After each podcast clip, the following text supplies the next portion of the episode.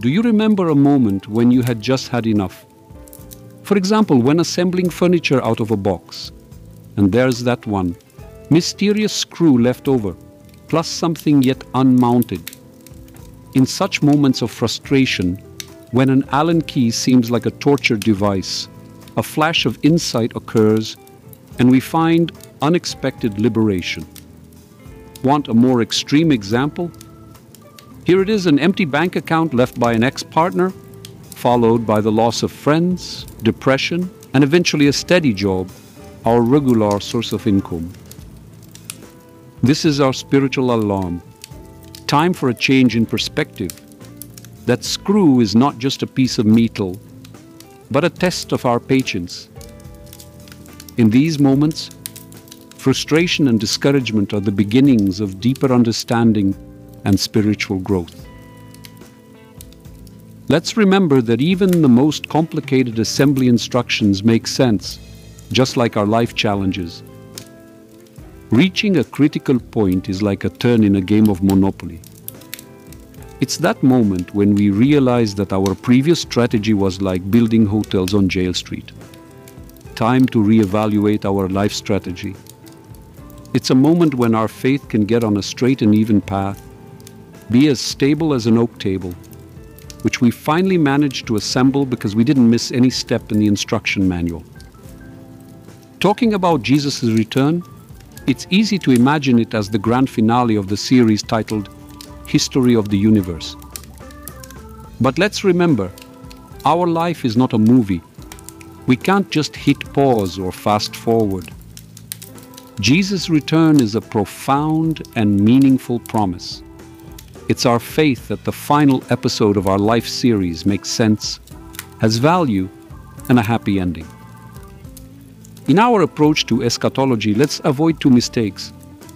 The first is obsessively following every spoiler about Christ's return. The second is ignoring the main theme like ads during a good movie. The key lies in moderation, like watching trailers that inspire but don't give away the whole plot and ending. Even for believers, Jesus' return will be unexpected and surprising. But since we lived in order and hope, being caught up to heaven shouldn't be a shock. It will be a joyful finale, though in circumstances, well, fire, trumpets, flying spectres, it will be quite a scene. For unbelievers, Jesus' return will be like an exam they didn't prepare for, sudden and inevitable. It's like in disaster movies when a character says, It'll be fine, and you scream at the screen, No, it won't. People often comfort themselves with a false sense of security, but we must be vigilant and aware, always ready for the unexpected and inevitable.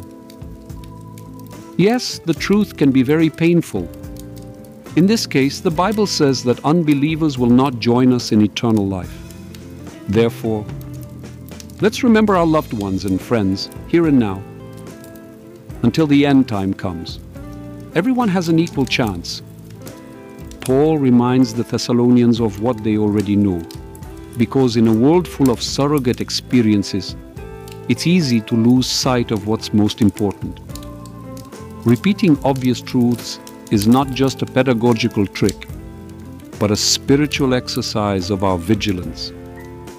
Sisters and brothers, our lives, apart from short moments of happiness and joy, are full of frustrations and critical points, but they lead us to deeper understanding and spiritual growth. Jesus' return is a promise that gives us hope and strength.